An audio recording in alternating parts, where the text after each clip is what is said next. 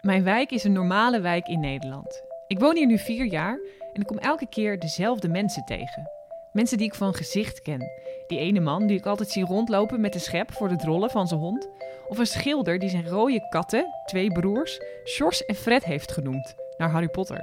Of de pakketbezorger die elke dag met zijn witte busje de straat in komt rijden en de pakketjes zo verspreidt over de huizen. Ik weet wanneer ze naar de kapper zijn geweest. Ik zie waar ze hun boodschappen doen. Ik weet waar de kinderen naar school gaan. Ik weet wanneer ze een nieuwe auto hebben, wanneer ze een nieuwe hond hebben, wanneer ze een nieuwe partner hebben.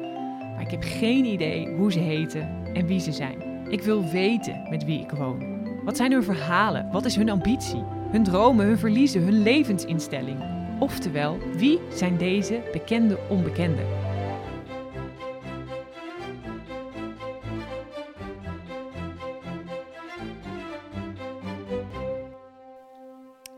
Ik vind dit zo'n leuke gast. De gast van vandaag is namelijk de postbode. De postbode die elke dag brieven en aanmaningen, dat ook, komt brengen. En eh, ja, die de hele buurt ook eigenlijk kent. De speel van de wijk. Ik wil heel graag weten wie zij is. Ik heb misschien een heel romantisch beeld bij postbode zijn. Misschien ook nog van van die serie van vroeger, Pieter Post. Pieter Post met zijn poes verdient de kost. Wat een hele rare tekst is trouwens. Maar ja, dat beeld heb ik er wel bij. Door weer en wind, als het regent, als het sneeuwt, komt zij de post brengen. Ik wil gewoon weten, wie is deze vrouw?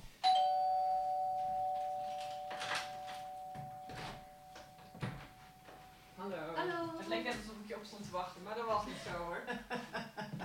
Ik weet toch dat je de hele ochtend niks te doen Ja, inderdaad. Ik zat hier zo liggen. Ik, ik lach hier.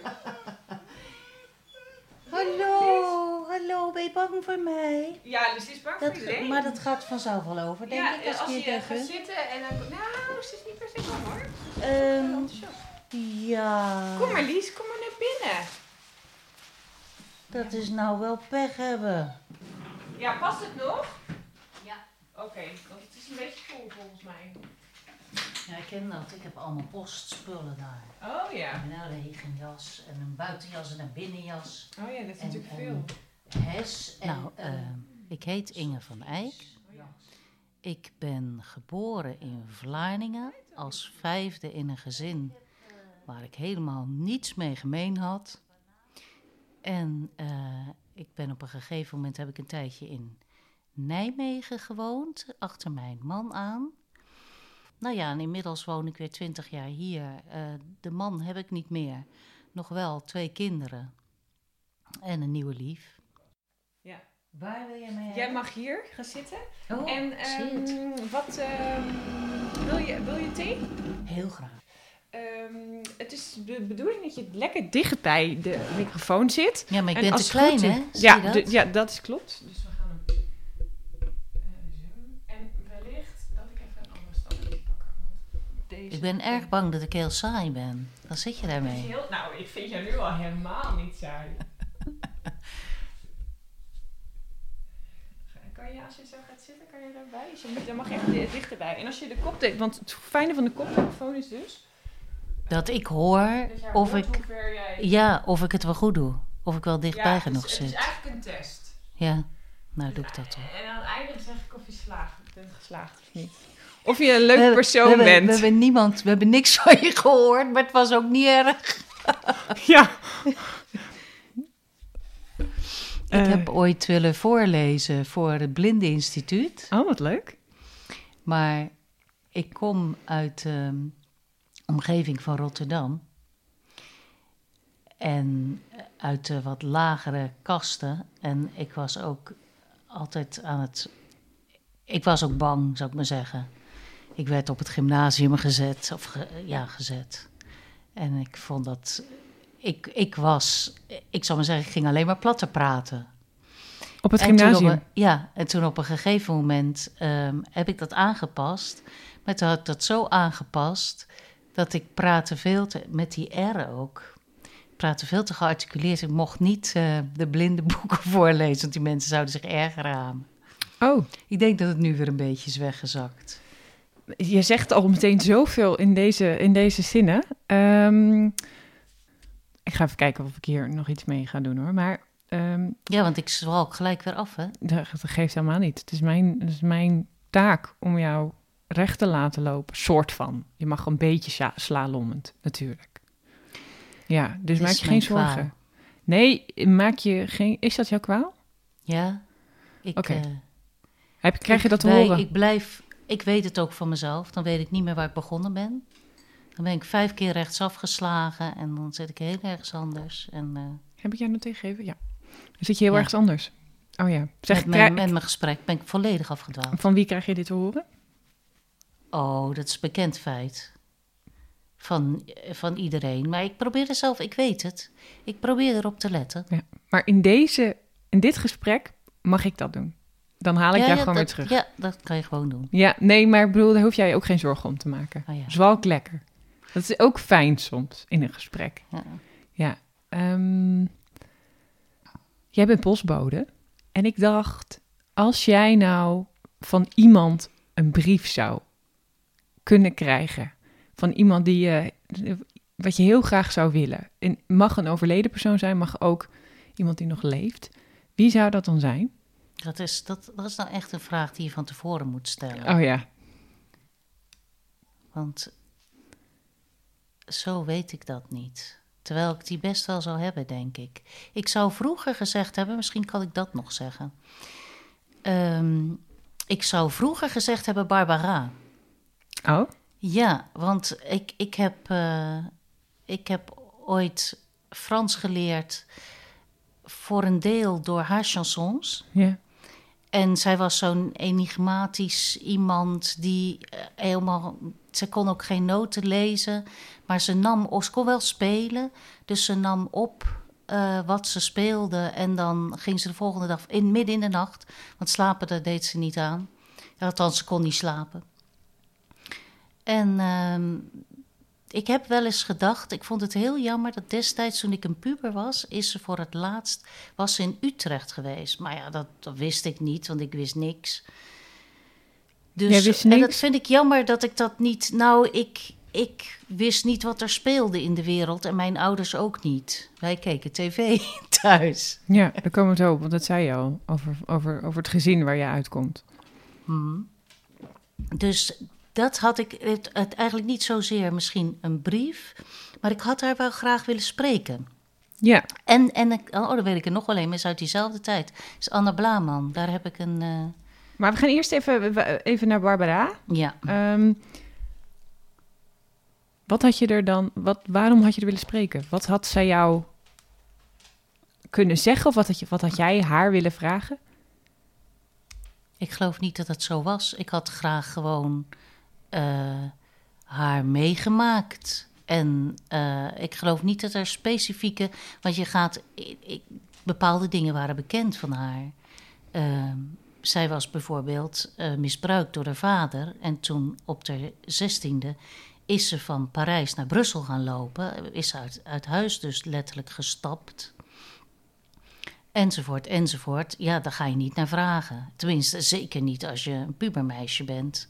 Eh, het zou, ik zou het waarschijnlijk meer over de liedjes hebben gehad, over de teksten. Ja.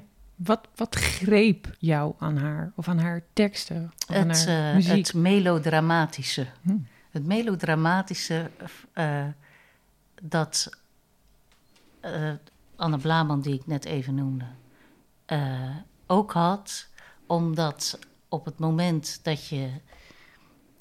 Als je zelf een puber bent die in de knoop zit, dan spreekt jou dat aan. Weet je nog wanneer je, wanneer je werd gegrepen? Hoe, hoe, want het is niet echt heel erg normale puber-idolatie. Nee, ik zag het er op tv. En ik weet want niet dat meer is hoe precies... dingen tot jou kwamen. Ja, inderdaad. Mhm. ja. Ja, ik zag er gewoon op tv en er zat ondertiteling bij. Want ik verstond daar toen nog helemaal niks van. En ik weet ook niet meer precies in welke. mm, Ik, oh, dat was. Dat moet geweest zijn. Ik heb een tijdje conversatieles gehad. Dat moet daarvoor geweest zijn. Conversatieles? Frans, Frans. Ja, En, ehm, naast je normale Frans op school. Ja. En toen was ik een jaar of 15. En dan heb je een heleboel Frans binnen, waar je niet zo heel veel mee kunt. Maar ik was op zich goed in talen en die jongen sprak geen Nederlands. Dus dat was. dus dan leer je binnen de kortste keren goed Frans. Maar conversatieles met iemand die in Nederland woont en die geen ja, Frans nou dat komt. Ik werd geacht op school goed te zijn, erg goed te zijn in talen. En er was op een gegeven moment. Was er Geacht? een, Van wie? dat, dat men, men Dacht dat? Dat dacht, dacht dat. Ehm, en toen was er op een gegeven moment een open dag. We hadden een lustrum. Er was een open dag en dan gaat iedereen bij zijn oude juf en meester in de klas zitten. Al- Alle, alle volwassen mensen die dan op zo'n lustrumfeest komen. En ik dacht, ik ga bij Frans zitten, want het is leuk en dan kon ik me lekker uitsloven natuurlijk, althans. En er moest een tekstje worden voorgelezen, dus die juf dacht, dat laat ik Inge doen. Nou, de mensen helemaal van, oh nou, oh, deed ik dat goed. En ik dacht van, ja, en ik kan niks. Ik kon helemaal niks van. Ik kon het leuk uitspreken, ik wist ook wel wat ik las. Maar eh, ik kon alleen Engels, want dat was, ja, dat, dat was overal. Dus toen dacht ik, ja, dat is toch wel een beetje sneu. Zelfs als ze denken dat ik het kan, kan ik het nog niet. En toen heb ik pal daarop, stom toevallig, stond er een advertentietje in het Vlaardingse suffertje. Eh, Fransman geeft Franse les. Toen dacht ik, nou, dan moeten we dat maar doen. En eh, dus toen heb ik, eh, ik ben er niet zo goed meer in, maar ehm, ik, ik kan wel nog rare werkwoordsvormen, zou ik maar zeggen. Maar heb je dat... Hoe, was dat gratis? Nee, nee, nee, nee hoor. Dat, Hoe kwam je dan aan het geld? nou, ehm, mijn ouders hadden geen geld, maar ze gaven het wel uit. Oké. Oké. Dus op een gegeven moment, eh, ja, mijn vader zat gewoon eigenlijk, die had een tapijtenwinkel en hij was, was, het was een reuze aardige man. Hij had weinig mensenkennis en dan kwamen de klanten bij hem langs en die zeiden dan, hij had ook niet zo'n officiële winkel. Hij was een soort begonnen in een garage. Maar we gaan Nee. zo, dan gaan we lekker over je familie praten. Oh, maar nou, hij in ieder gaf geval, het... hij is ook failliet gegaan. Oh. En eh, dus ik denk dat ik Franse les heb gehad over de ruggen van andere mensen. Oh. Dat denk ik. Oh ja. Want er viel bij ons ook niks te halen. We hebben, we hebben niet eens in de schuldhulpverlening gezeten. Ik weet het niet. Hij is gewoon failliet verklaard en, en ik heb er verder nooit meer wat van gehoord. Oké, dus, dus jij leerde daar Frans.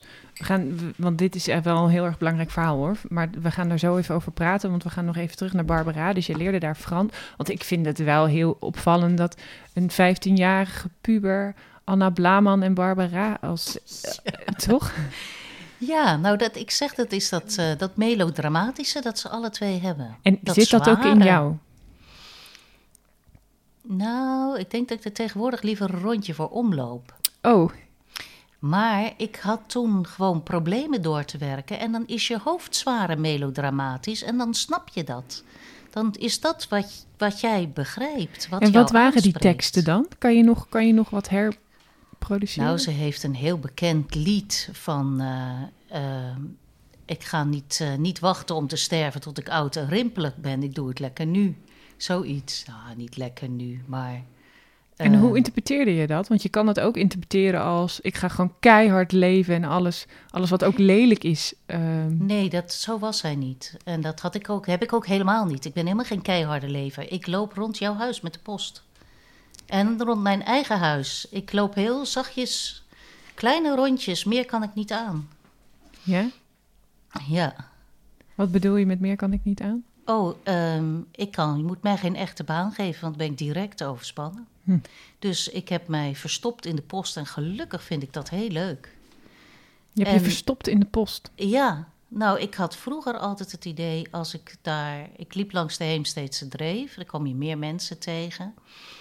En dan voelde ik me altijd betrapt. Dan denk ik, als ze naar me kijken, dan kunnen ze zien dat ik geen postbode ben. Dat ik eigenlijk iets anders zou moeten doen, iets belangwekkenders. Ehm, Want dat vond jij van jezelf. Ja, maar inmiddels heb ik dat niet meer. Inmiddels, Op basis van het feit van... eh, ik heb gymnasium gedaan en ik kon dingen en mensen... De, ja, Ach, ja, ik was veelbelovend. je was veelbelovend. ja. Ja, helemaal niks van terechtgekomen.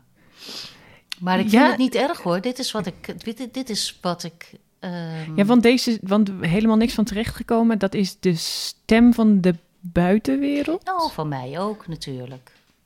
Ik, ik bedoel, ehm, niks ten nadelen van een postbode, maar dat. Ik bedoel, als het de bedoeling is dat jij iets belangwekkends wordt, dan is een postbode een stap naar beneden. Zo eenvoudig is dat. En, en worstelde je ook in die puberteit al met dit soort vragen? Nee. Nee, ik Maar of met een bepaalde gevoeligheid die misschien ervoor zorgt dat je nu denkt, eh, ik verstop me in de post? Ja, enorme onzekerheid. Hè? Maar ja, dat is gebruikelijk voor pubers. En ik had een moeder.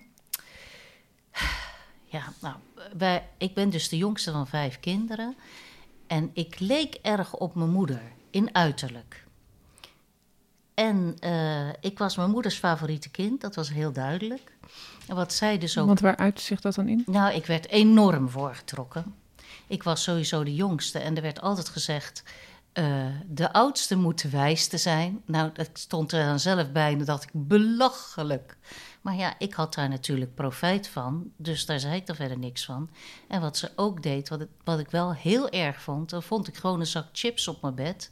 Moest ik naar beneden, moest ik dankjewel zeggen. En ik mocht ook niet delen met de anderen. Dat was niet de bedoeling, dat was voor mij. En het was, het was, ik bedoel, het was een bekend feit dat ik gewoon werd voorgetrokken. En weet je waarom? Ik denk omdat ik op haar leek en misschien ook wel omdat ik. Ja, ik weet het eigenlijk niet. En ik was een meisje, dat was heel belangrijk. Ik had nog één zus. En de drie jongens, die waren, dat was echt minder. De, de meisjes waren sowieso al beter. En dan was ik de beste van de meisjes. En de is het ook de beste omdat je, omdat je veelbelovend was? Nou, misschien, misschien. Of waren de anderen dat ook? Nou, nee, nee, dat waren de anderen niet. Maar in ieder geval, zij was teleurgesteld in mij. Als ik, ze had een schoteltje met water voor de poes staan, echt een schoteltje, niet eens een bakje. En wij stonden altijd met z'n 88 af te drogen. Als je dan per ongeluk het schoteltje omstootte, dan was dat echt een smet op je karakter, zal ik maar zeggen. En zij was zelf heel ongelukkig en dat vrat ze uit op mij. Ik was teleurstellend en dan zei ze altijd tegen mij, en dat was wat jij zei, dat, dat onzekere. Of, of ik probeer dan uit te leggen waarom ik misschien wat onzekerder was nog dan een ander. Dan zei ze tegen mij: Iedereen heeft een hekel aan jou. En wij zaten bij de Jehovah's getuigen, dat is ook niet fijn. En dan had je broeder, zus en zuster zo, zal ik maar zeggen.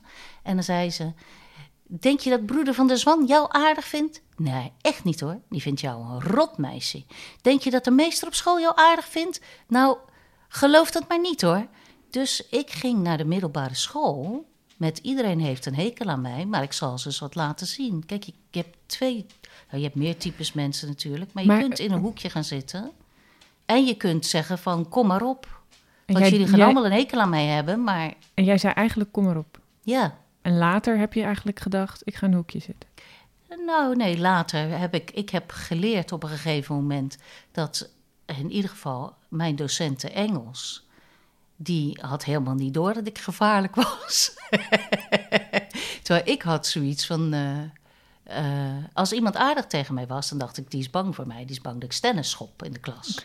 Maar ik snap het toch nog niet helemaal. Want jij zegt, ik was, eh, was favoriete kind van mijn moeder. Maar betekende dat niet dat ze jou dan aardig vond? Ik, het betekent dat ze mij, denk ik, te aardig vond. Dat, dat ik haar teleurstelde in haar grote liefde. Bij, bij, de, bij de kleinste dingen. Wa- ja, ik weet het niet. En was ik was verantwoordelijk omslag? voor haar levensgeluk of zo. Oké. En daarmee heeft ze mij de wereld ingestuurd met de boodschap, die ik dus ook geloofde, dat iedereen een hekel aan mij had. En dat duurt dan weer even voordat je dat eh, kwijt bent. Want was dat ook fysiek, dat ze je fysiek soms aanpakte? Nee, ik heb wel eens een klap gekregen, maar dat niet. Nee, nee hoor, dat niet. Was jij, je, was jij je bewust van het feit dat jouw moeder dit in jouw hoofd prentte? Of, of was, het een, was het een innerlijke stem geworden? Waardoor. Ik, eh, later, Maar niet in de Ik kan me puberteit. herinneren dat ik dus op een gegeven moment, ik ben op school, ben ik eh, op een gegeven moment een soort ingestort. Bij En wat, wat houdt dat in? Eh, ja, ehm, ik was de schoolkrant aan het doen. En de docenten oude talen, die kwam eh, Latijn en Grieks. Die, die kwam even met mij praten. En eh, nou, ik zat zo op het randje. Ik weet niet, ik denk dat ze niks bijzonders heeft gezegd. Maar ik, ik, ik ging gewoon. eh, ik kreeg gewoon een soort zenuwtoeval. En ik, eh, ik kon gewoon bijna niet meer, niet meer ademhalen van het huilen. En, ehm, en zij, zij had wel meer vazallen, zou ik maar zeggen. Wel meer protégés op school. Ik geloof niet dat ik dat... Misschien dat ik dat wel wist, ik weet het niet. Maar in ieder geval, eh, ik heb nog steeds contact met haar. En eh, zij heeft wel een hoop gedaan. Dat, dat moest er een keer uit. Gewoon En wat En- moest er toen uit? al die stress, al die opgekropte. Ja, stress, denk ik voornamelijk. Ja. Eh, Want je had uiteraard stress van hoe jouw moeder jou behandelde. En was het dan ook nog dat je jezelf... ehm, dat je hard was voor jezelf, ook al bijvoorbeeld over je schoolwerk? nee, ik ben bang dat ik nooit iets deed op school. Je de- ben je bang of was dat werkelijk zo? Nee, ik, ik, nee, nee, dat is eh, mijn volgende kwaal. Dat is waarom ik ook zo afdwaal altijd. Ik heb ADD. Ik had als kind ADHD. Toen was ik erg druk. Nu eh, praat ik misschien nog wel druk, maar ben ik op zich een heel stuk rustiger. Maar dat was in die tijd nog geen plakker, toch? Of wel? Nee, dat is mijn plakker van nu. Ja. Maar ik ben nu je vraag vergeten. Oh ja, nee, ik heb het ook. Dus ik, kan me, ik, ik herken mij in jou. Ik, heb, ik ga ook alle kanten op. En dat is... Maar wat vroeg je mij nou net? Want daar wou ik wel antwoord. Oh ja, of ik van mezelf moest werken. Ik kon het niet. Ik kan me nog steeds levendig herinneren dat ik een kwartier Duits heb gedaan. En daar was ik zo trots op. Maar dat was het wel voor die dag. Maar hoe, jij hebt het gymnasium gedaan en mensen zagen in jou een soort talent. Eh, Omdat ik goed ben in talen. En het was eh, twee jaar daarna moest je verplicht wiskunde nemen in je pakket. Maar ik zat daarvoor. Maar jij, dus, dus, dus je zat in die les en daar, Daar pikte ik het op, ja. nou, daar pik je het op. Dus vervolgens hoefde je thuis niet zo heel veel te Nee. doen. Oké. Oké. Ehm, en, en ehm, ja, dus, dus daar zat een bepaalde onzekerheid en die moest er op een gegeven moment, eh, moest die eruit. Ehm, en is er dan een moment gekomen waarop je... Ja, waar, waarop je het ook al, waarop je het überhaupt helemaal losliet. Dat je dacht, eh, wat is dit? Eh, ik, ik weet helemaal niet wat ik wil in het leven en ik, ik stop met allemaal ambities. Ik geloof niet dat ik echt ambities had. Ik, ik denk dat ik altijd voornamelijk angsten heb gehad. Oh. Ja, ach, dat kan je En- zo hebben. En ja, nou, jij zegt Ik dat. heb denk nooit niet dat dat gedacht- waar is. Nou, ik kan me herinneren dat, ik, dat mijn lerares Nederlands tegen mij zei... eh, waarom ga je geen Nederlands studeren? Maar ik dacht, ik had ook helemaal het verkeerde beeld overal van. Ehm, ik dacht, ja, maar als je Nederlands gaat doen, dan moet je zo'n boek kunnen schrijven. Weet je, je begint op bladzijde 1 en je schrijft gewoon door tot je klaar bent. Dus ik zei, nee dat kan ik niet. Terwijl, ja, natuurlijk had ik dat wel gekund. Ik bedoel, maar... eh, Dus dat was een soort onzekerheid Nee, slash ik ging angst. er niet vanuit dat ik dingen kon. En ik Ja. had ook het verkeerde beeld van dingen. En ik, dat kwam ook doordat ik vanuit thuis nergens een beeld van had gekregen. Ja, we gaan zo nog even naar je familie. Maar de, eh, wat voor angsten waren dat? Waren con- concrete angsten? Ehm, Het was geen, geen spinnenangst. Het was... eh, nou, wel. eh, nee, dat niet. Wel concrete angsten, maar onterechte angsten. Ik heb ooit later begrepen. Heb ik een soort lezentje gekregen over faalangst. En toen zeiden ze: een ondervorm daarvan is succesangst. Dat is niet je bent bang dat je die zes niet haalt. Nee, je bent bang dat je geen tien haalt. En dat doe ik. Ik ga als ik bijvoorbeeld in een nieuw koor kwam, dan zei ik tegen iedereen: Ik ben heel erg verschrikkelijk dom hoor. Zo van: eh, Je moet mij maar helpen. dat ze toevallig, want daar was ik ook erg bang voor. Dit, wat, wat ik, mijn dochter is precies hetzelfde. Ik ga, ging dus ook niet tegen haar zeggen: Dat kan jij wel, dat kan iedereen. Dan moesten ze tegen mij echt niet zeggen. Ik kan me herinneren dat. Want wat moeder- gebeurde er dan? nou, dan dacht ik, dat is mooi, dan ben ik de enige die het niet kan. Ik heb, ik, ik kan me het herinneren, ik, het zit ook echt in mijn genen hoor. Ehm, dat ik een jaar of vier of vijf moet ik geweest zijn. Ik was een plaatje aan het overtrekken uit een sprookjesboek en daaronder stonden de letters en die trok ik ook over. En dan zo nu en dan ging ik aan mijn moeder vragen wat er stond.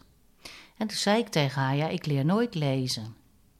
En toen zei ze, ja hoor, alle kindertjes leren lezen. Ik had echt zoiets van, god, god, dan ben ik dus de enige de die enige. leert. Dus was voor jou was dat geen Dus dat aanmoediging? tegen mij niet zeggen. Nee, het, was, het, was, het, is, het is geen aanmoediging voor jou. Het is meer zo van, oh, hel. En, en als je dan, want je, want je komt komt dan op een koor en dan zeg je, eh, ja, ik ben verschrikkelijk dom hoor. Ja. Ben jij verschrikkelijk dom? Ja, in bepaalde opzichten ben Oh, ik dat heel erg vind jij dom. nog steeds dan? Ja, nou, ik, eh, Maar ik, is dit waar? Of is ik dit heb ook een- een, angst ik die heb praat? een knobbel en een gat. Je hebt een knobbel en een gat. Oké, dit Ja, vind ik- ik een heel mooie uitspraak.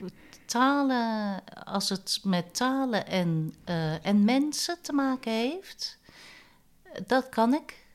Maar ehm, ik heb al moeite met, eh, ook omdat ik me slecht concentreer, op eh, gebruiksaanwijzingen, eh, administratieve dingen. Dat is allemaal verschrikkelijk. Ik snap ook nergens een bal van. Economie snapte ik niet. Maar ja, ik hoefde het dus allemaal niet, want ik was voor de wiskundetijd en, en ik, ho- ik hoefde niks. Ik had alle talen en geschiedenis. Dus maar jij had dus ook niet, je, waren dus ook niet ouders die, eh, die begrepen eigenlijk hoe jij in elkaar zat, als ik dat zo hoor. Die, die hielpen jou ook niet zo van, eh, Nou, mijn vader was niet aanwezig en die dronk. Daar had je verder geen last van, maar hij dronk wel. En, eh, maar die was, die was er niet in ons gezin. Die, waar was die? hij zat er wel.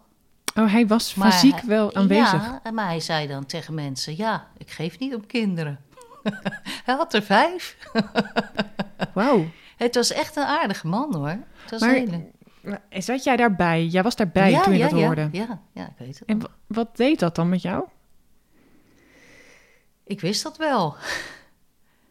ja, ik kan me herinneren dat ik toen ik eh, klein was, had ik een vriendinnetje. En op een gegeven moment zwierde haar vader er zo aan de handen de, kamer rond. En toen dacht ik, dat is een vader, dacht ik. En toen had ik, eh, op dat moment had ik volgens mij niet door dat die man die bij mij, tenminste, ik wist wel dat hij mijn vader was natuurlijk, maar hij was niet het beeld. Was niet een papa. Die man, ja, zoiets was het. Hij was mijn verwekker, die zat thuis, maar dit was een vader. Jij begreep dat verschil toen op dat moment. Een soort Ja. verschil in warmte, in verbinding. Ja, ja. maar het is niet zo, hij, hij, hij meende het niet kwaad. Maar hij had gewoon niet meer te bieden. Maar ben je boos op hem geweest daarover? Nooit. Nee, Maar je hebt ook nooit de verbinding met hem gevoeld. nee. Nee. Want wat zou een vader zijn dan normaal? Nou, iemand die eens met je praten. Ehm, die dingen ook deed. Ik, kan me, ik heb één herinnering aan dat er, mijn moeder deed ook geen dingen met ons. Maar ja, ik was de vijfde, hè, dus ik was ook een beetje de pisang. Die tijd was voorbij. Maar ik kan me herinneren dat we één avond hebben we in een kring gestaan, buiten. In, we hadden een tuin en daarachter lag een, een groot grasveld. Dat was dan een gemeenschappelijke tuin. En eh, waren we een bal aan het overgooien. Ik denk dat mijn vader met een kwartier of nog minder verdwenen was en mijn moeder vlak daarna. Maar dat is voor mij, ik heb me dat altijd herinnerd. Dat jullie als met iets elkaar dat wij met het gezin hebben gedaan.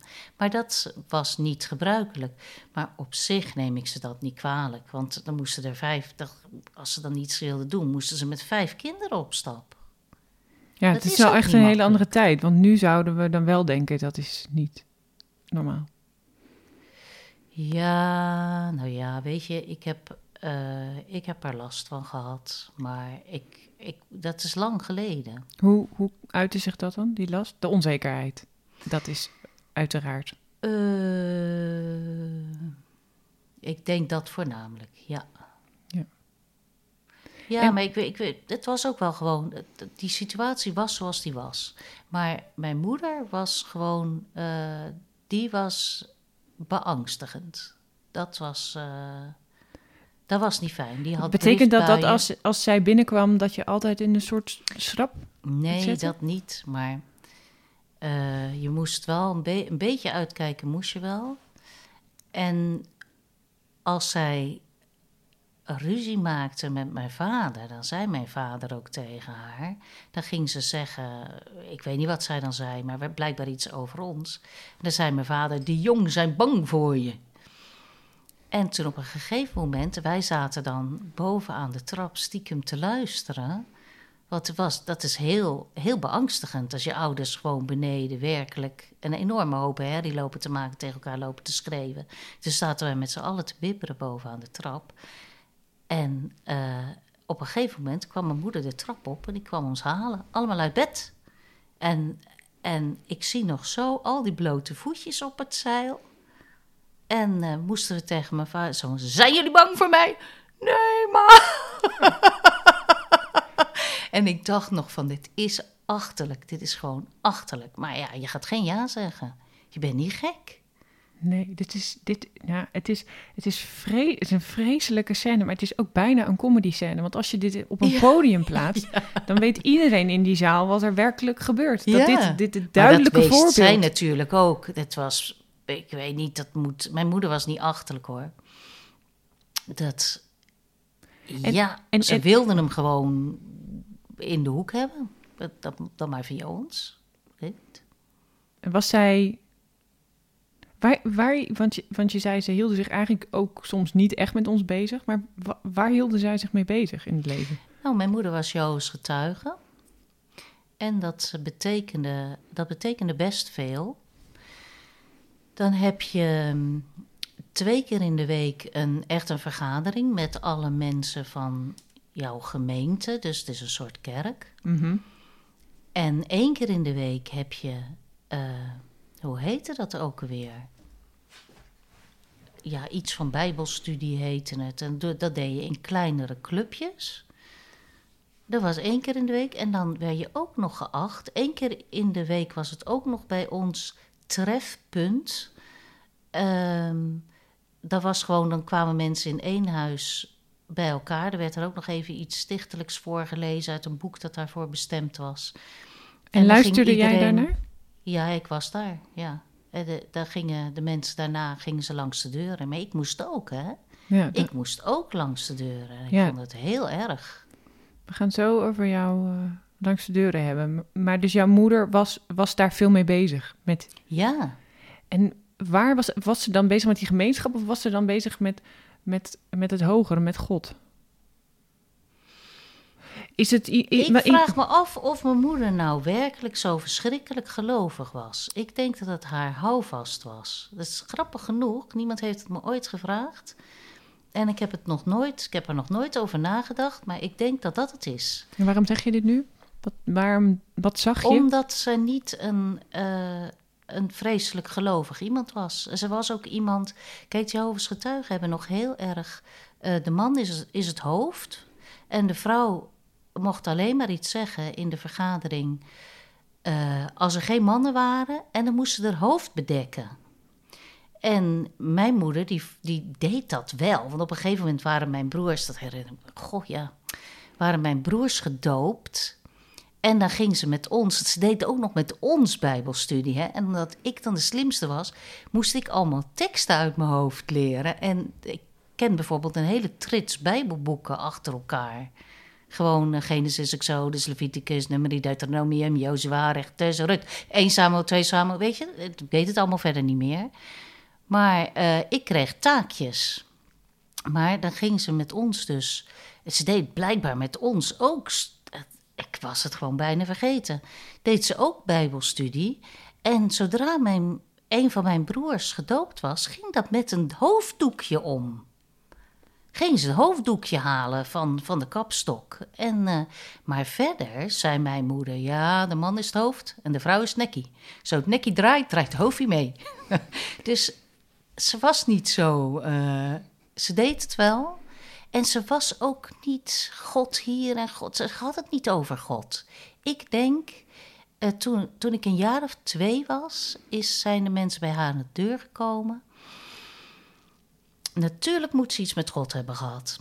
Dat kan niet anders. Maar ik denk ook dat ze gewoon haar houvast vond in een manier van leven en een club met mensen. En, Maar zij is en bekeerd doel. door aan de deur. Ja, Dat gebeurt ook werkelijk. Ik dacht dat dat Ja, eigenlijk ja, ja. een soort verplichting was. dat is het ook. Maar eh, ja, De, je hebt het er nooit met haar over gehad, neem ik aan, waarom zij bekeerd Nee. is. En jouw idee Nee. is, nee, nee, maar want mijn dat en gesprek praten niet. niet, hè? Nee, leeft zij nog? Nee, ik, ik, wou, nou- ik wou er al achteraan zetten met dubbel A, dubbel T. Plachten niet te praten. Oké. Eh, en- maar jij hebt het idee dat er een soort houvast voor haar was. Ja, bij die, dat denk ik, ja. En ik, ik weet niet zo heel veel van het eh Jehovah-geloof af. Maar ik heb het idee dat dat wel een, streng, een strenge religie is. Ja. Ja, dat is behoorlijk streng. dus waar zat dat dan in jouw opvoeding? Is jou- was jouw vader ook? Nee, nee, en dat is al. ehm, nou ja, kijk, als je eenmaal getrouwd bent, dan is daar niks meer aan te doen. Maar als jij Jehovah's getuige bent en nog niet getrouwd, dan is het wel de bedoeling dat je in de waarheid trouwt.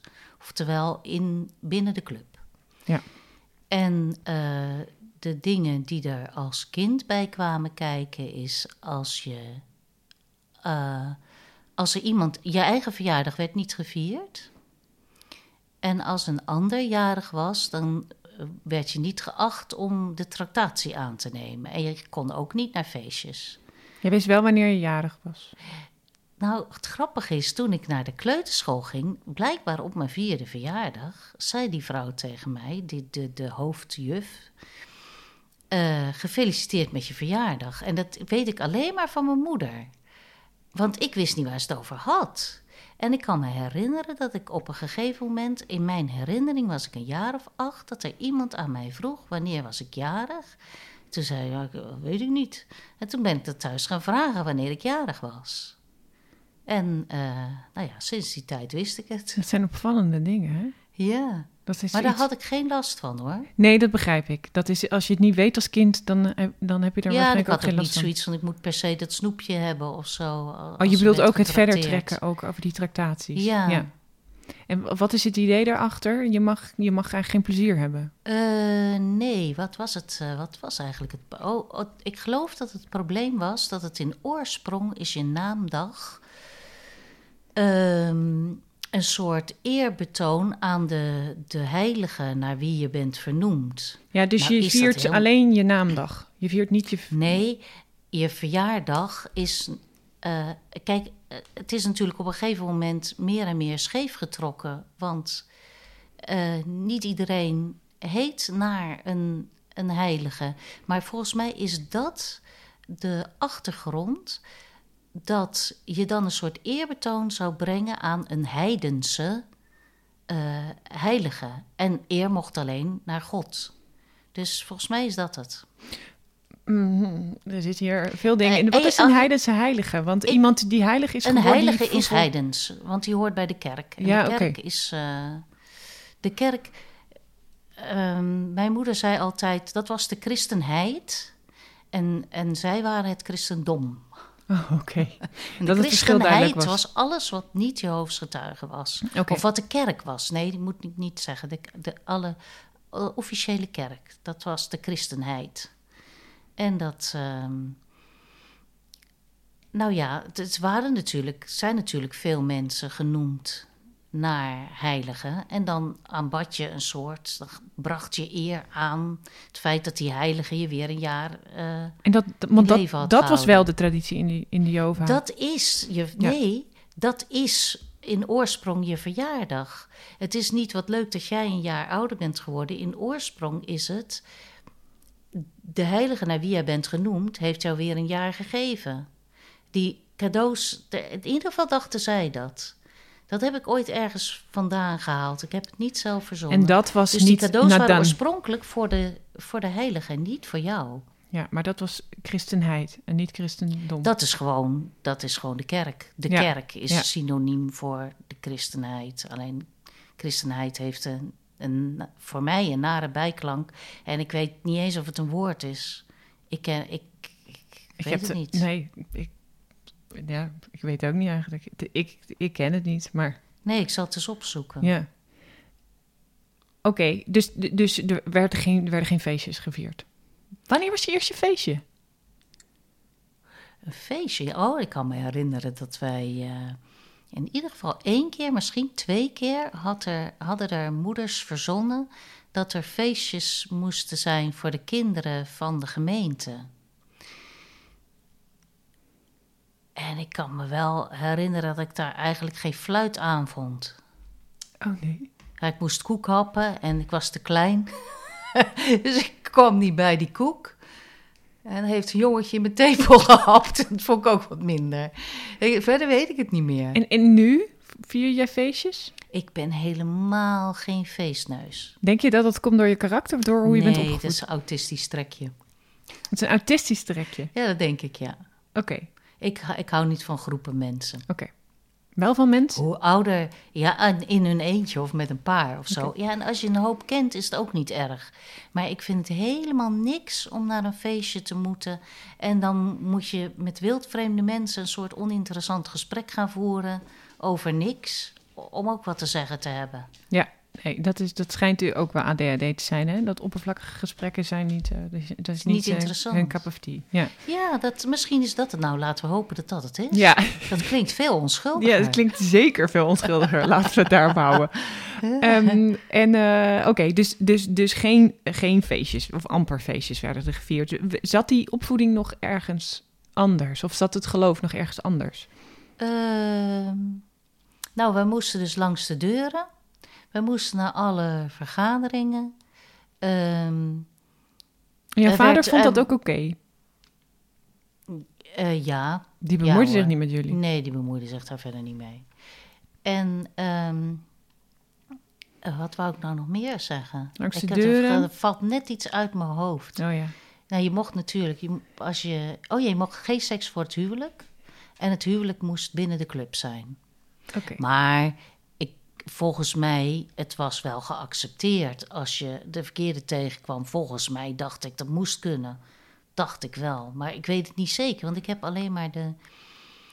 Ik ben maar tot mijn veertiende geweest in één bepaalde club. En waarom? En bovendien, ja, toen ben ik eruit gestapt. Jij zelf. Ja.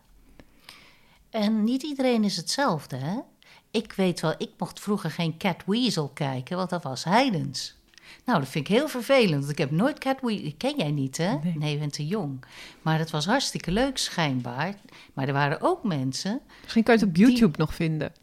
Ja, er zijn ook wel... wel eh, ja, het komt schijnbaar nog wel op eh, ons, op eh, zo'n oude, oude... Maar ja, ik, ik heb dat niet, het kanaal. En, maar wij mochten bijvoorbeeld weer wel Tita Tovenaar kijken. En er waren andere mensen, daar was, voor hun was dat weer ook heidens. Ze mochten die kinderen ook niet zien. dus Oh ja. het is ook een beetje... Wat was jouw relatie dan met God? Eh, die bestond niet. Dat was heel vervelend. Want ik heb dus ook op een gegeven moment, voordat ik eruit stapte, heb ik de hele Bijbel doorgelezen. Echt van Genesis tot en met Openbaringen. In de hoop dat ik er gelovig van zou worden. Waarom wilde je dat? Dat zou heel makkelijk zijn, want mijn moeder was niet blij toen ik eruit stapte. Het is gewoon helemaal niet makkelijk, hè? Je stapt uit een heel, een, een heel soort leven waarin jij geacht wordt. Jij bent met ons, wij zijn wij. En dan word je opeens, word je zij en jullie. En wanneer heb je die Bijbel gelezen? Van- Vlak ik voordat denk je toen eruit... ik een jaar of veertien was. En volgens mij ben ik op mijn veertiende mee opgehouden. Maar het typeert jou natuurlijk ook dat je ermee op bent gehouden. Want je zou natuurlijk ook kunnen zeggen, ja, het is makkelijker om erbij te blijven. Ja, nee, dat was het niet. Dat was niet. ehm, dat had ik kunnen doen. Maar het probleem was, ik moest me dan laten dopen. En daar zaten ze al jaren op te wachten. Want eh, ik in principe, zij zijn voor de volwassenen doop. Dat snap ik. Zo van op het moment dat jij eh, eh, bewust kunt kiezen voor wat jij gelooft, dan laat je je dopen. En bovendien is dat wat Jezus deed, die doopte volwassen mensen. Dus ik vind het helemaal niet gek dat je niet je kind als baby laat dopen in een geloof, maar dat je op een gegeven moment dat kind laat kiezen. Maar voor mij begon de tijd te dringen. Want men vond het dan interessant natuurlijk, die jonge pubers, er waren die, ik heb volgens mij wel kinderen van elf gedoopt zien worden. En ik was veertien en bij mij stond het, ja, zat het eraan te komen en dat wilde ik niet. En ik, kan ik ben ook een keer als goed zusje, wij waren broeders en zusters, ben ik meegestuurd met iemand op vakantie die niet meer wou. Ja, ik had die persoon niks te zeggen natuurlijk. Bovendien had ik helemaal niks met dat kind.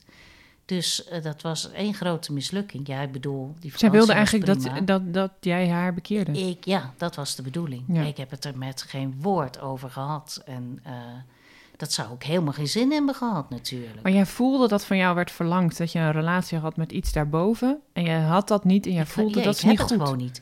Weet je, ik, ik zeg altijd... Voor mijn gevoel is het als verliefdheid. Je hebt het of je hebt het niet. Ik had het gewoon niet. Ja. Ja, Ja, maar dat is grappig, want dan vanuit, de, vanuit dat idee ga je er wel vanuit dat. Kijk, andere mensen geloven nee, het is er gewoon niet. En mensen die zijn, die hebben, die leven een soort illusie. Maar bij jou is het, ik ben, ik voel het nu niet. En misschien voelt een ander het wel, maar ik voel het nu niet. Dus voor mij is het dan oké. Ja, nou weet je, ik, ik heeft, het heeft me nog best wel even gekost om er zeker van te zijn dat het ook allemaal niet klopte. Ehm, maar ook zonder dat, zonder die zekerheid, had ik zoiets van ja, ik, eh, ik, ik, ik vond, ja, En wat vond je vervelend? Vond je, vond je, vond je ook het geloof raar? Ehm, ja, er zaten hele rare dingen bij, maar er zitten hele rare dingen in het christelijk geloof. Dat je echt denkt van, hoezo? Er zijn ook dingen waar ik het wel eens met mensen over heb. Ehm, bijvoorbeeld, eh, het leven is van God en daarom mag je niet je eigen leven nemen. En ik heb wel eens tegen een vriendin van mij gezegd: God is liefde. Dan zeg je tegen God, ik bedoel sowieso, iemand geeft jou iets en jij kunt er niks mee, je wordt er ongelukkig van, dan, dan, is het toch, dan moet je toch niet tot je dode dood. Ik zal maar zeggen, ze geven je een angel in je vlees. Ja. En eh, dus ik zeg tegen die vriendin van mij van, als God nou een God van liefde is en jij zegt, God, ik word ongelukkig van het leven. Je hoeft nog niet eens dodelijk ziek te zijn. Stel, jij bent een manisch depressief of je hebt gewoon iets, je vindt je leven gewoon niks, je hebt een rot leven. Je wilt dat kwijt. Dan zeg je toch tegen God, sorry God, ik wil eruit. Zeg toch God, prima mijn kind. En ook dat God, dat- dat, Christus is gestorven voor alle mensen. Eh, ja, en dan? En dan, wat helpt dat? Ik bedoel, en nu kunnen wij. eh, nou ja, dit, dit is een heel En zat, jij dan zo in, zo, luisterde jij zo en had je deze gedachte al? Ja, Oké. Ja, dus dat was al, eigenlijk altijd een worsteling. Ja. En, En, maar je, hebt wel, je moest wel langs de deuren. Vanaf wanneer dan? dat weet ik niet, maar ik ben bang vanaf heel klein. Want dat is wel de bedoeling. Want ik kan me herinneren dat ik in het begin had ik drie uit mijn hoofd gele- geleerde zinnen. En die waren? Dat weet ik niet meer. Oh, die weet je niet meer. Nee, dat weet ik niet meer. Zo van, eh goeiedag mevrouw, ik heb hier de wachttoren en de ontwaakt of zo. Eh, ik weet het niet. En moest je later meer zeggen? Dan ben je geacht gewoon zelf, zelf iets te, te, te fabriceren. Ja, tenminste, ik werd dat wel geacht. En dat lijkt me vrij verschrikkelijk als je er zelf helemaal niet in gelooft. vreselijk.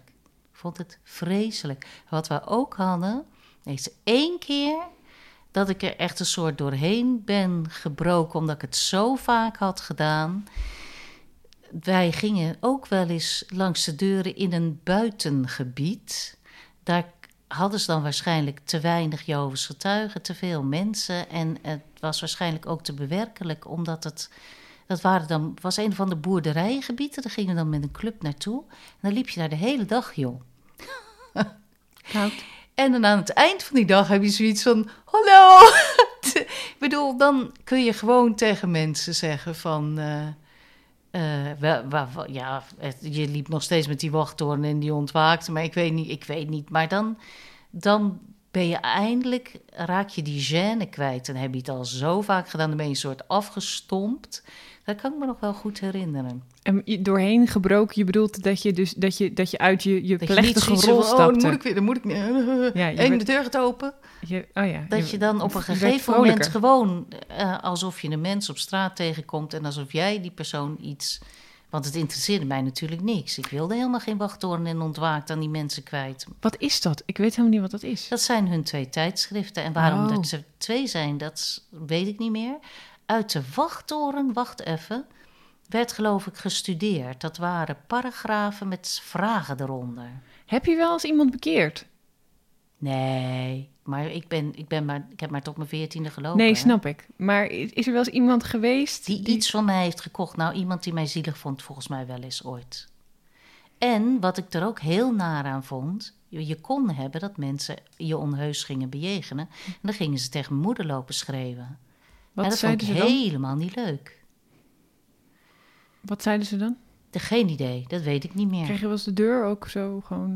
werd nou ja, dan. eh, ik, ik, nou ja, ik weet, nee, ik weet werkelijk niet meer. Dat kan ik me niet meer herinneren. Maar die mensen, ik zal maar zeggen, wensen met rust gelaten te worden, vonden het achterlijk. Ik weet het niet. En op jouw veertiende stapte je eruit, maar je was onderdeel van het gezin. Waren er anderen al uitgestapt? Ja, ja mijn, ehm, mijn jongste broer was er al uitgestapt. Dus drie jaar ouder dan ik. En toen ik en mijn zus is nog netjes in de waarheid getrouwd. En is er toen zachtjes eh uitgezakt toen ze onder het eh, toeziend oog vandaan Het was. jukbewind van je moeder. Ja, en ehm, heb ik nog een broer. Die ehm, was ergens. Die is er altijd bijgebleven, maar die is overleden al een tijd geleden. Die was erg ziek en die moest op een gegeven moment. eh, was het de vraag. Kon die alleen nog maar gered worden met een bloed, bloedtransfusie? En eh, daar heeft mijn moeder met de oudere mannen besloten dat dat, eh, dat dat krijg je niet, hè? Want bloed is van God. Dat is ook zoiets. Niet je bloedende vinger in je mond stoppen. Daar heb ik helemaal geen behoefte aan. Maar dat eh, was ook niet de bedoeling, want bloed was van God.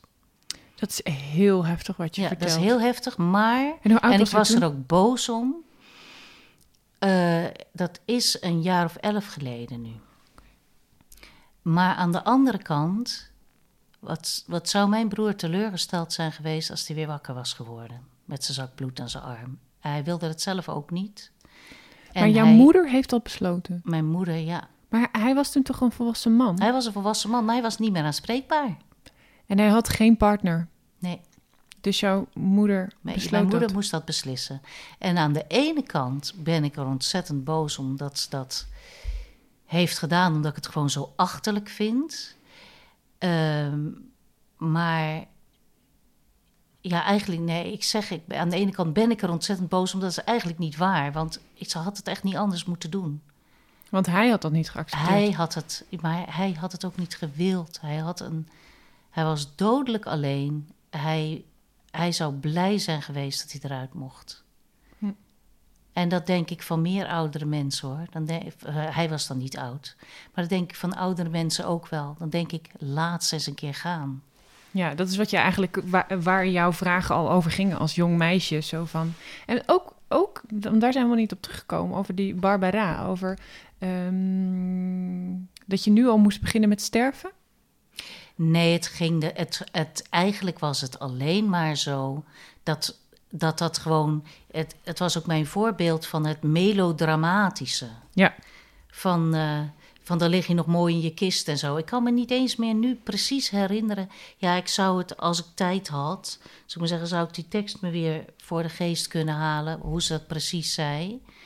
Maar eh, het is me- meer het, het melodramatische van die tijd ook, weet je. Van. eh, ja, en de, de vrouw in het zwart was zij. Zij was altijd in het zwart. Oké, dat was een deel van jou, van jouw opvoeding die belangrijk was. Maar jij vertelde ook, ik kwam uit een, hoe zei je dit nou? Uit een eenvoudig gezin? Zei je dat zo? Uit een gezin van vijf, volgens mij zei ik, waarin, waarin ik de een niet bij paste. Waar, waarvan ik bij niemand bij paste. Ik kreeg, ik kreeg het idee dat, je daarmee, dat, dat het eenvoudiger was dan wat jij misschien, waar jij misschien behoefte aan had. Of heb ik dat verkeerd geïnterpreteerd? Hoe bedoel je eenvoudig? Nou, je vertelde jouw vader was, eh, die legde tapijten? Of verkocht tapijten? Ja. Eh, en Maar jij ging naar het gymnasium. Die werkte eerst in de fabriek. Alsof het, eh, alsof, alsof ja, ja, een- ja, ik ben, ik ben slimmer dan de rest. Ja. Ja. Maar ja, ik heb er niks mee gedaan, dus wat dat betreft maakt het allemaal helemaal niks uit. En er, wa- was, er, er werd gedaan alsof er geld was, maar er was niet altijd geld. Er werd helemaal niet gedaan alsof er geld was, maar er werd, er werd niet verstandig geld uitgegeven. Het is niet zo dat mijn moeder gewoon echt hele rare dingen deed, maar ik mocht dus wel gewoon die Franse les. En ik, ik, zit me, ik vraag me af, ik denk dat het eigenlijk ongeveer in diezelfde jaren was dat mijn vader failliet is verklaard. En wat we na dat faillissement denk ik dat wij, oh ja, ik heb ook nog een rijke oom op Curaçao en die betaalde onze huur. ja, ik vroeg me af, hoe, hoe is dat vervolgens gegaan? Heb je steun gekregen? Hoe, hoe, Ehm. hoe is, heeft het leven jullie toen behandeld? Nou, ik ben eh, eh, uit huis gegaan om te gaan studeren. Mijn moeder heeft een, had een uitkering. En eh, nou ja, ik was de laatste, dus alleen ik had nog een broer die. eh, ik heb ook nog een broer die niet goed bij is. Die werkte op, hoe heette dat? Toeleveringsbedrijf heette dat. Maar dat, dat is voor mensen die gehandicapt zijn. Dat kan fysiek zijn, het kan mentaal zijn. En dat, dat is er volgens mij ook niet meer. Dat was een soort. En op een gegeven moment moest hij daar ook weg, want hij deed gewoon bijna niks. En, en ja, hij was ook. eh, nou, hij was echt niet goed. Hij was Maar, echt. maar jullie hij moesten niet op nou, hij kreeg dus ook geld. Ja, En- hij kreeg en ook mijn moeder geld. kreeg ook Ja. geld. Mijn vader was al uit huis. Die zal alweer apart Je zijn vader was uit uitkering huis? hebben gekregen. Ja, die is er. eh, die heeft ze eruit gewerkt op een gegeven moment. Dat mocht wel van de kerk. Dat is grappig dat je dat zegt. Dat mocht ooit niet. Ehm, het moest, eh, er moest er overspel gepleegd zijn, maar op een gegeven moment. eh, er bestond ook zoiets als duurzame ontwrichting. Hm. En als je, daar kon je dan ook onder vallen. Oké, en jouw vader, eh, die, die werd uit huis gewerkt, omdat Ja. dat niet meer, dat werkte niet meer tussen Nou, dat heeft nooit gewerkt. Nee, dat heeft nooit gewerkt. Oké, Nee. oké.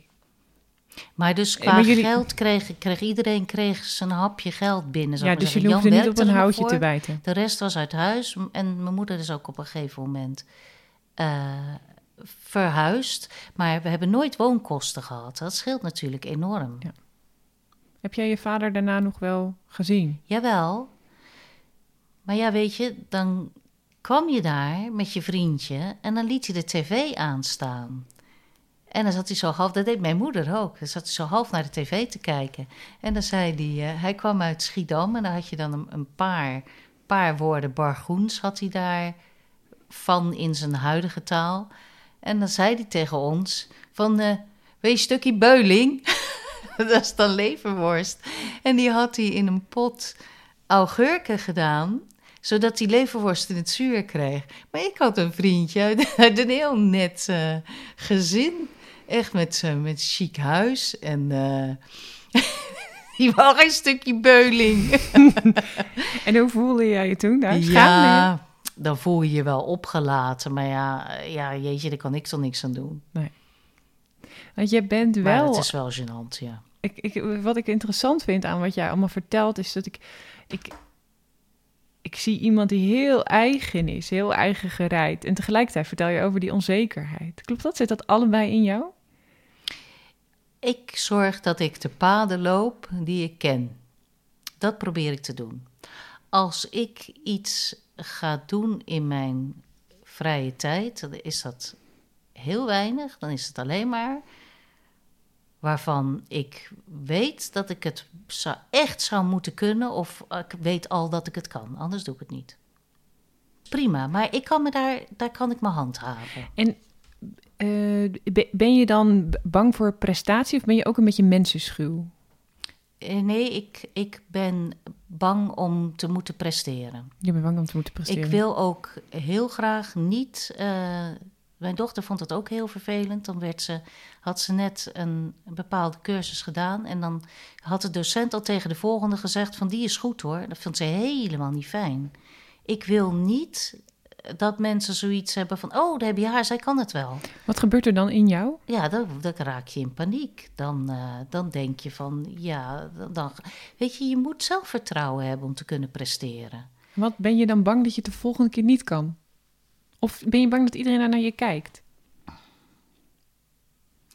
Eh, beide. En dat door het, doordat iedereen erop let, wordt het nog erger natuurlijk. Ja. Dus ik doe graag dingen waarvan ik, die veilig zijn voor Ja. mij. Wat ben je dan gaan studeren? Engels. Ja. Was ik heel goed in. Ja, Ja.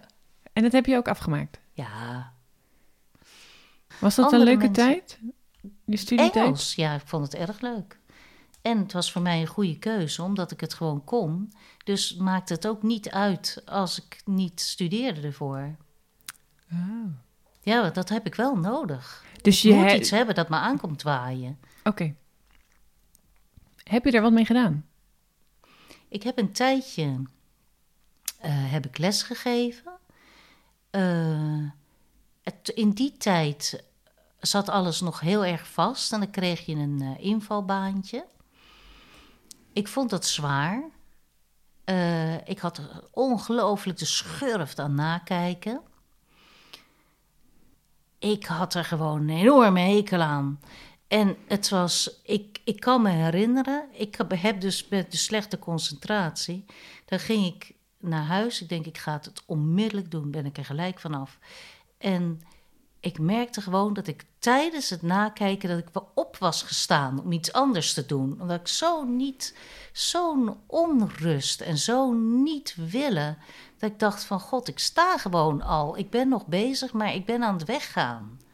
Ik vond het, ik had er zo'n hekel aan. Ben je jezelf echt flink tegengekomen voor de klas? Of was het elke Nee, het dag tegenzin? ik of- gewoon, eh, ik was er gewoon te gestrest onder. Ja. En ik ben snel gestrest. Ja? Dus ik moet gewoon, ik moet dat ontwijken. En was je je er al van bewust? Of op het moment dat dat gebeurde? Of, of kwam er een soort... Er zijn mensen die doen niet per se een reflectie en dan storten ze in. En dan denken ze opeens, oké, wat vind Nou ik leuk en hoe... Nee, ik wist wel dat ik altijd gewoon. Ik loop al vrij snel op de toppen van mijn tenen. Ehm, Bij wat voor dingen dan bijvoorbeeld? Wat vind jij al spannend? Of stressvol? eh, ja, nu volgens mij niks meer. en waar ligt dat aan? Ja, en het feit dat ik dat zo heb geregeld. Ja, je hebt je leven enigszins prikkelarm gemaakt. Klopt dat? Ja, ja. Ja, ik heb een klein leventje. Ja, en dat vind je heel fijn. Ja. Maar het is, het heeft niet, het is niet tot een soort uitbarsting gekomen. Je moet bijvoorbeeld niet tegen mij zeggen van ga. ehm, nee, nee. Nee, maar ik ben wel eh, regelmatig overspannen geweest hoor. wel, ja, dat noem, ik, dat noem ik dat wel toch hoor. Ja, maar dat, dat was ook toen de kinderen, dat was op school dus al, toen ik eh, ben ingestort daar. Dat is geweest toen ik twee kleine kinderen had hier Maar je- gedaan. Je bedoelt, je, je, gewoon het moederschap, zoals dat bij iedereen is, is ik best vond zwaar. het te zwaar. Ja. Je vond het te zwaar. Nou, te zwaar. Ik merkte gewoon dat ik, eh, ja, ik ben echt, toen ik hier nog maar kort woonde, ik klassificeer dat zelf wel als overspannen. Ja, Maar ja, met ook een, een, een slechte relatie met je man daarbij. Ja, want wat vond je zwaar aan het moederschap? Ehm, dat ze, nou ja, mijn, mijn zoon, mijn oudste, die wilde eigenlijk niet slapen. En wij zaten op een woonboot. En deze woonboot lag aan de Waal, een zijarmpje van de Waal. Hij lag als eerste. Zodra er boten voorbij kwamen, dan krijg dus, krijg je dus al die golven naar binnen. En onze boot lag op sputpalen. Dat betekent dat die palen zitten door kokers door je boot heen. En dan gaat tak, tak, tak, tak, tak, tak, tak, gaan langs die eh, palen, gaat je boot dan omhoog en weer naar beneden. Dus dat was voor hem helemaal waardeloos. Dus als hij eens een keer sliep, dan was hij weer wakker. En ze hadden mij gezegd van, of ja, dat lees je dan. Zo van, je moet je kind niet laten huilen, want dan heeft hij het idee dat, dat hij in de steek gelaten is. Hè? Dat ze niet van hem houden. Ik denk, ja, dat moeten we niet hebben. Dus wat, ik was wel een beetje hem er de hele tijd uit. Nou, ik had geen tijd om naar de wc te gaan. En het, die, die, die sliep bij mij aan de borst. En, en verder huilde hij natuurlijk te ve- veel, want hij was, eh, hij, was, hij was moe. Maar hij wilde en hij zou wakker blijven. Hij wilde en zou van alles doen. En ik ben een stresskonijn. En ik ben negatief. Ik zie snel beren op de weg. Dus een ander doet dat veel losser en, En veel hoe- hoe- makkelijker. Uitzicht dat in, je, in, in, in moeder zijn? Is het dan eh, pas op? Of hoe? Dat, dat valt nog wel mee. In, in dat moederschap kan ik het. Ik zat. Ik schoot net door me heen dat ik het.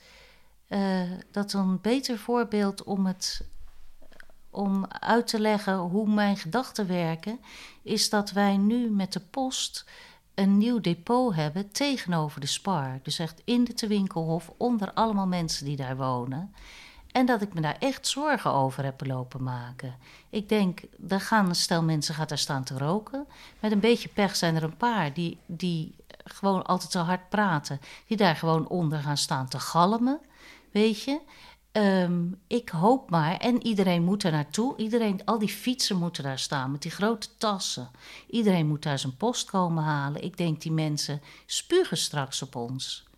Die strontvervelende postbodes die daar in dat, dat piepkleine eh, te winkelhofje de boel aan het overnemen zijn. Vooralsnog valt dat gelukkig erg mee. En er is volgens mij ook niemand die dat denkt. Nou kom ik natuurlijk altijd al daar.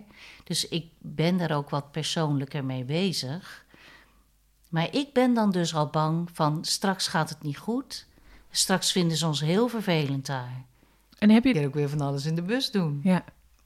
En jij vertel, hebt mij ooit eens verteld dat je dus... Jullie zijn in Heemstede gaan wonen in de Geleerde Wijk en iets verderop, toch? Een paar straten verderop, ja. Volgens mij vertelde je toen aan mij eh, aan, de, toen aan de rijke kant. Zoiets zei je. Ja, dat is, de, dat is de kant. eh, Dit is de huurkant, hè? Eh, ja, dus- veel huurhuizen en veel kleiner. Ja. Dit is, eh, dit is, eh, ja, dit heeft met mij, mijn buurvrouw zei dat, die daar, die daar mijn buurvrouw was. Oké. Die noemde dat zo. Ja, Met je scheiding toen je ging verhuizen. ja. Want jij bent gescheiden en vervolgens verhuisd. ja, ik denk het wel. Ja, Wat zei ze dan?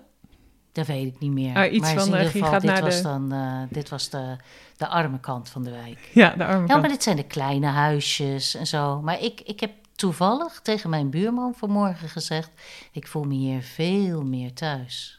Dit is kleiner. Dit is een klein huisje in een klein straatje en ook niet met allemaal geslaagde gezinnen, weet je. Heel gadver. Geslaagde gezinnen. Nou ja, Nee, daar is niks mis mee. Er zijn hele aardige geslaagde gezinnen.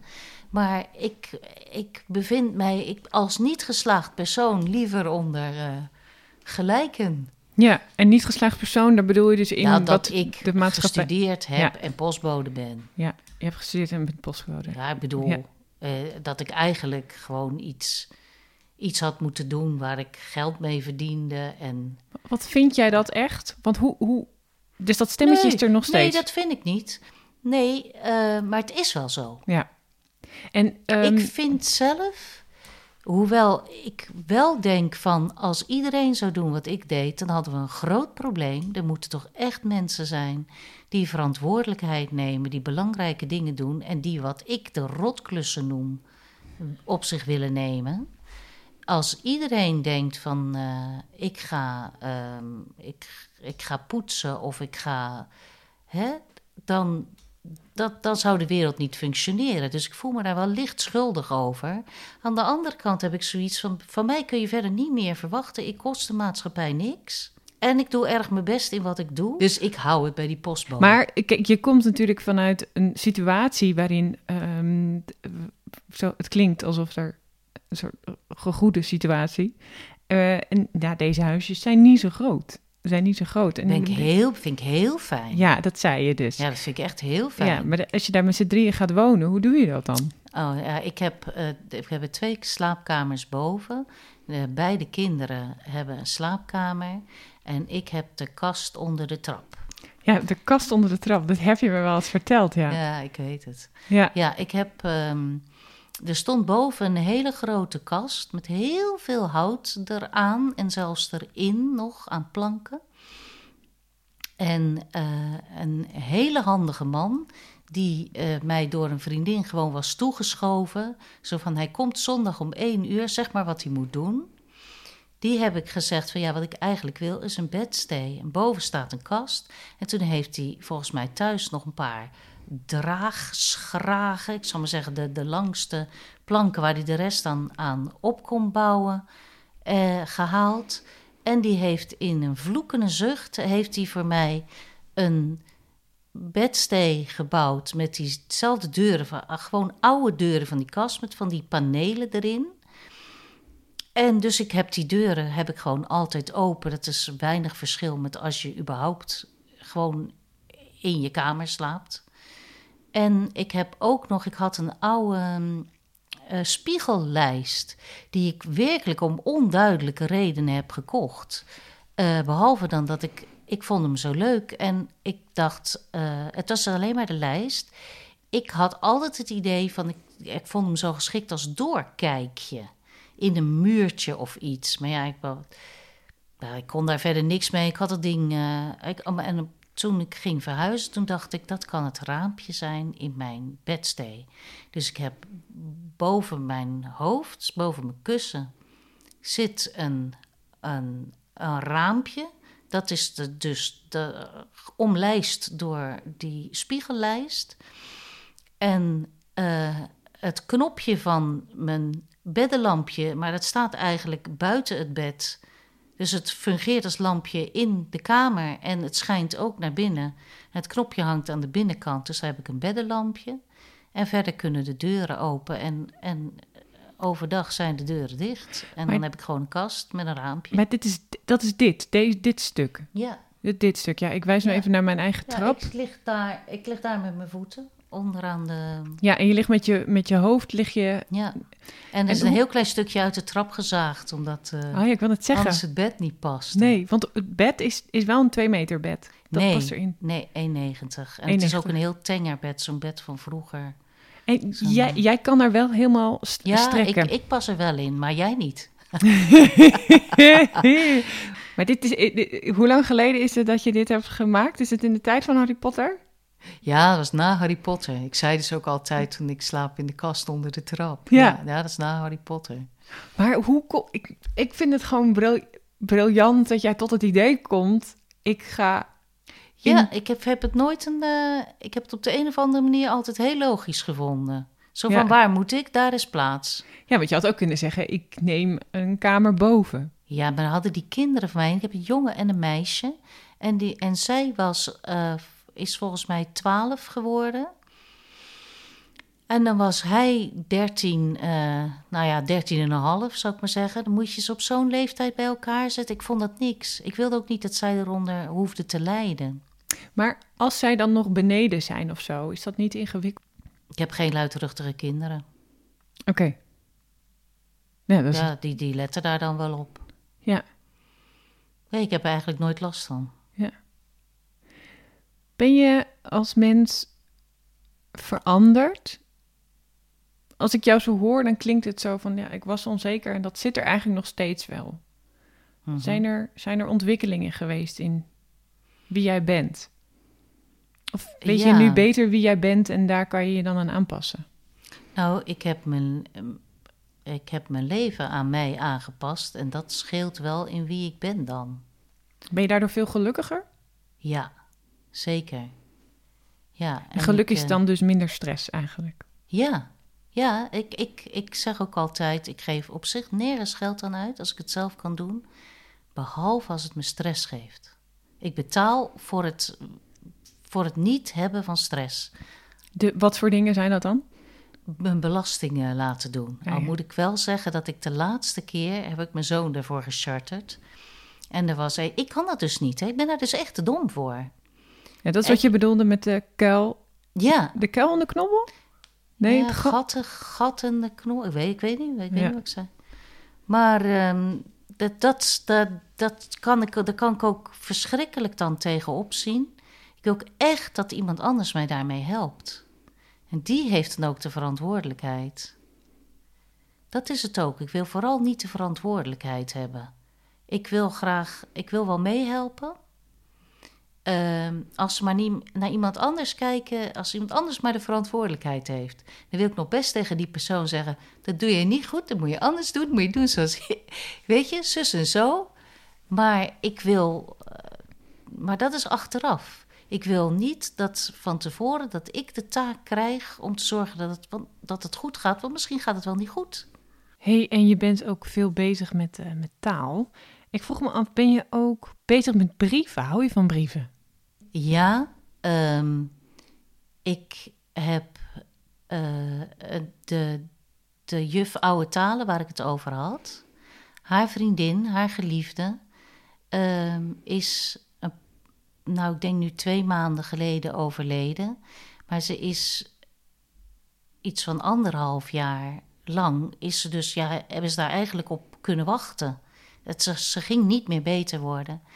En ik ben begonnen met ze kaartjes te sturen, iedere week een kaartje.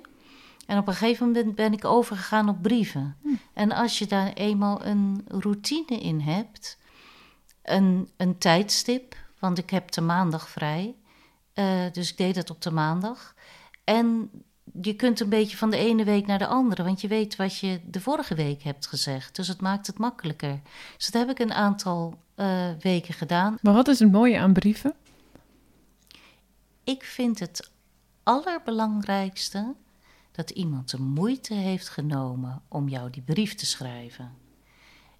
Ik heb zelf, als ze mij een kerstkaartje sturen, eh, als ze mij een kerstappje sturen, ja, dan denk ik, ja, ik, weet je, ik wil liever dat iemand de moeite heeft genomen om een kaartje te kopen postzegels te kopen, mijn adres op te zoeken, eh, iets op die kaart te schrijven, die kaart naar de brievenbus te gaan brengen, desnoods door sneeuw en regen.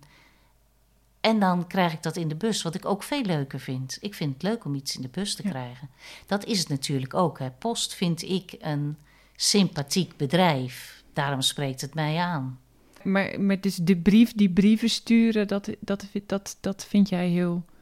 Nou, ik, ik doe het eigenlijk, heb ik gemerkt, dus alleen in noodgevallen. Niet helemaal hoor, dat is niet waar. Ik, ik stuur ook wel eens gewoon, ik heb één vriendin, die schrijft mij zo nu en dan uitgebreid. En dan, dan doe ik dat dus ook. Dat vind ik op zich leuk. En ik heb veel geschreven naar Engeland in de tijd dat ik nog geen e-mail had.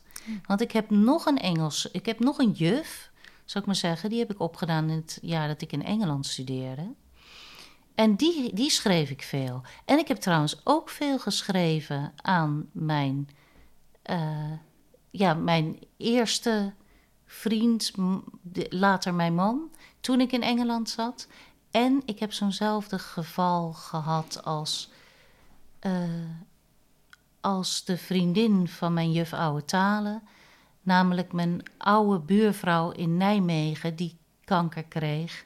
En toen zaten wij inmiddels in Heemstede. Die heb ik ook, ook ja, nou, Ik weet niet hoe lang dat heeft geduurd, maar die schreef ik veel. Het is dan eigenlijk een, een, een, een cadeautje aandacht. Dat is het, geeft, dat is Ja. het. Ik kan, kan me ook herinneren, ik heb ook wel eens een puzzeltje laten maken. Dat, dat komt dan op je pad, zou ik maar zeggen. Dan zie je dat ergens van de kinderen. En dan konden ze een puzzeltje maken. Weet je, gewoon Oh ja. iets.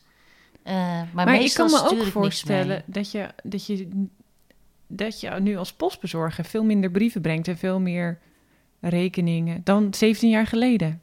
Ja, nou weet je, dat weet ik niet meer zo goed. Maar dat is zeker zo. Maar wat ik. Je merkt wel dat er. ehm, ja, dat is. Er zijn ook. Er zijn gewoon mensen die krijgen zelden of nooit post. Maar er zijn ook mensen die krijgen heel veel post. Dat is heel grappig. En dan weet je natuurlijk niet. Ik bedoel, voor hetzelfde geld staat is. er in zo'n kaart staat er liefst eh, Jan en Tina. Maar. eh, Dat is grappig, zo heette mijn eh, opa en oma. Oh, grappig. Ja, ik zat te denken, zou ik het hebben? Ondertussen, terwijl ik het zeg, zit ik te denken, zou ik het hebben van Jantien, die werkt bij de Spar? Oh, oh ja, nee, Jan en Tina. dat als ik eenmaal Jan zeg, dat Ja. dan Tina achteraan Oh, komt. grappig. Eh, ja, nee, de, vroeger bracht je er daarin dan iets meer positiviteit dan nu. Nu is het misschien meer blauwe enveloppen. Ja, en- ik zeg tegenwoordig, kijk, u heeft een echte. Oh ja, Als ik, als ik echt een kaartje heb Oh, of ja. een brief, in Oh. plaats van iets gedrukts of een ti- tijdschrift. Oh, grappig. Maar wat ik nog als, als laatste wilde vragen. Als je, als je dan dus een brief aan jouw 18-jarige zelf zou moeten schrijven. hè? Ah, ja, dat zijn dan van die dingen die je van tevoren moet vragen. Ja, ja. Dat zeg je ook met enige, met enige Ah. frustratie. Nou, als ik daarover na zou denken. Ik, ik heb nu wel eens de neiging om tegen jongere mensen iets te zeggen, iets oudbolligs van een oude vrouw. Vertel. En dan zeg ik zo van, nee, maar dan zeg ik tegen hun, wacht maar, over 40 jaar begrijp je het. Weet je? En wat begrijp je dan? Ja, wat zeg ik tegen die kinderen? Ehm, dat, ik, God, ik weet het niet. Maar, maar maak ik, dan zeg ik iets dat truttig is, zal ik maar zeggen. Dat van een oude vrouw komt. Eh, s- gewoon een soort, je moet niet dit doen. Of, of nou ja, dat, dat zal het eigenlijk niet zijn. Maar zo van, nou, bij wijze van spreken zou ik kunnen zeggen: feestjes zijn ontzettend stom. Wacht maar. Als je over 40 jaar begrijp je het. Oké, maar jij je, wist dat als 18-jarige eigenlijk al, toch? nee, maar het is, het Nee, is kijk, ik beeld, beeld, beeld die, de, die vrouw in, die 18-jarige vrouw. Wat, wat had ze nodig? Wat moest ze horen? Dat het allemaal goed zou komen. En wat is goed komen? Minder stress. Eh, ja, minder last van hebben van andermans en je eigen daardoor verwachtingen. Eh, minder kritisch op, eh, ja zeker op mijn achttiende. Op mijn achttiende was ik nog echt in de fase van ik ben een monster. En, eh, en, en dan, dan keek je naar, oh dat was in mijn studententijd nog. Nooit kijken naar, eh, naar eh, eh, hoe heet het, popclips. Daar word je heel depressief van. Die vrouwen zijn veel te mooi. Oh, dat, dat zou je schrijven. Ja. En wat ik, wat ik ook wel eens de neiging heb om tegen ouders te zeggen, wat vroeger ooit wel eens tegen mij is gezegd, is als je van die schreeuwende kinderen hebt, zo van, het gaat voorbij hoor, het gaat vanzelf voorbij. Ja, dat is een mildheid. Je wilde met mildheid. Ja, en zo praten. van, weet je, het is, het is een tijdelijke fase, het gaat over, maak je niet te sappel. ja. Maar ja, mijn 18-jarige zelf is, vind ik, ja, dat... Nee, maar dat is volgens mij wel duidelijk, hè? Dat is ook een beetje de, de, de, de rode lijn in dit gesprek. Dat jij, eh, je, je, je, raakt enigszins snel van slag van dingen, van, presta van moeten presteren. En je hebt je leven inmiddels zo ingericht, zodat je het fijn hebt voor jezelf. Ja, En dat ik je dat ben nog niet meer- steeds wel, dat moet ik wel zeggen, ik ben erg snel van slag als mensen van onaardigheid. Oh. Te erg ook. En dat kan ik niet veranderen. Ik, voel, ik voelde, ik zei vroeger altijd. Ik word als postbode eigenlijk zelden of nooit onaardig behandeld. Maar ik zei vroeger altijd alsof een klap in je gezicht krijgt. Dat had ik heel snel. En dat is vervelend als je dat hebt. Want dat hou je je hele leven lang. Dat gaat nooit weg. En daar moet je, je kunt, het enige wat je kunt doen is mensen waarvan je denkt, jij bent hard of niet aardig, jij hebt iets fouts. Hoe ouder je wordt, hoe beter je dat kunt zien, mijt ze. Want ja, je, ik, eh, ik wil alleen maar aardige mensen. En ik kan ook geen nare films kijken. Zeker geen sadistische films. Het blijft hangen. Het, ik, ik, kan het allemaal, ik kan het allemaal niet. En dat moet ik dus allemaal uit de weg gaan. Ja. Dus ik ga, een hele, ik ga een heleboel dingen die alle andere mensen helemaal prima vinden, die ga ik uit de weg. En daardoor is het fijn. Daardoor kan ik me prima handhaven. En, Ja. ja. ja. Mooi. Dankjewel voor dit gesprek. Nou, ik, ik, ik, eh, ik vond het heel mooi. Ik vond het heel tof wat jij allemaal over jezelf vertelde. Dat had ik natuurlijk helemaal niet verwacht achter gewoon de, de Achter de postbode. De postbode, op, niet de ik- postbezorger, de postbode. ja, het postbode. Dankjewel.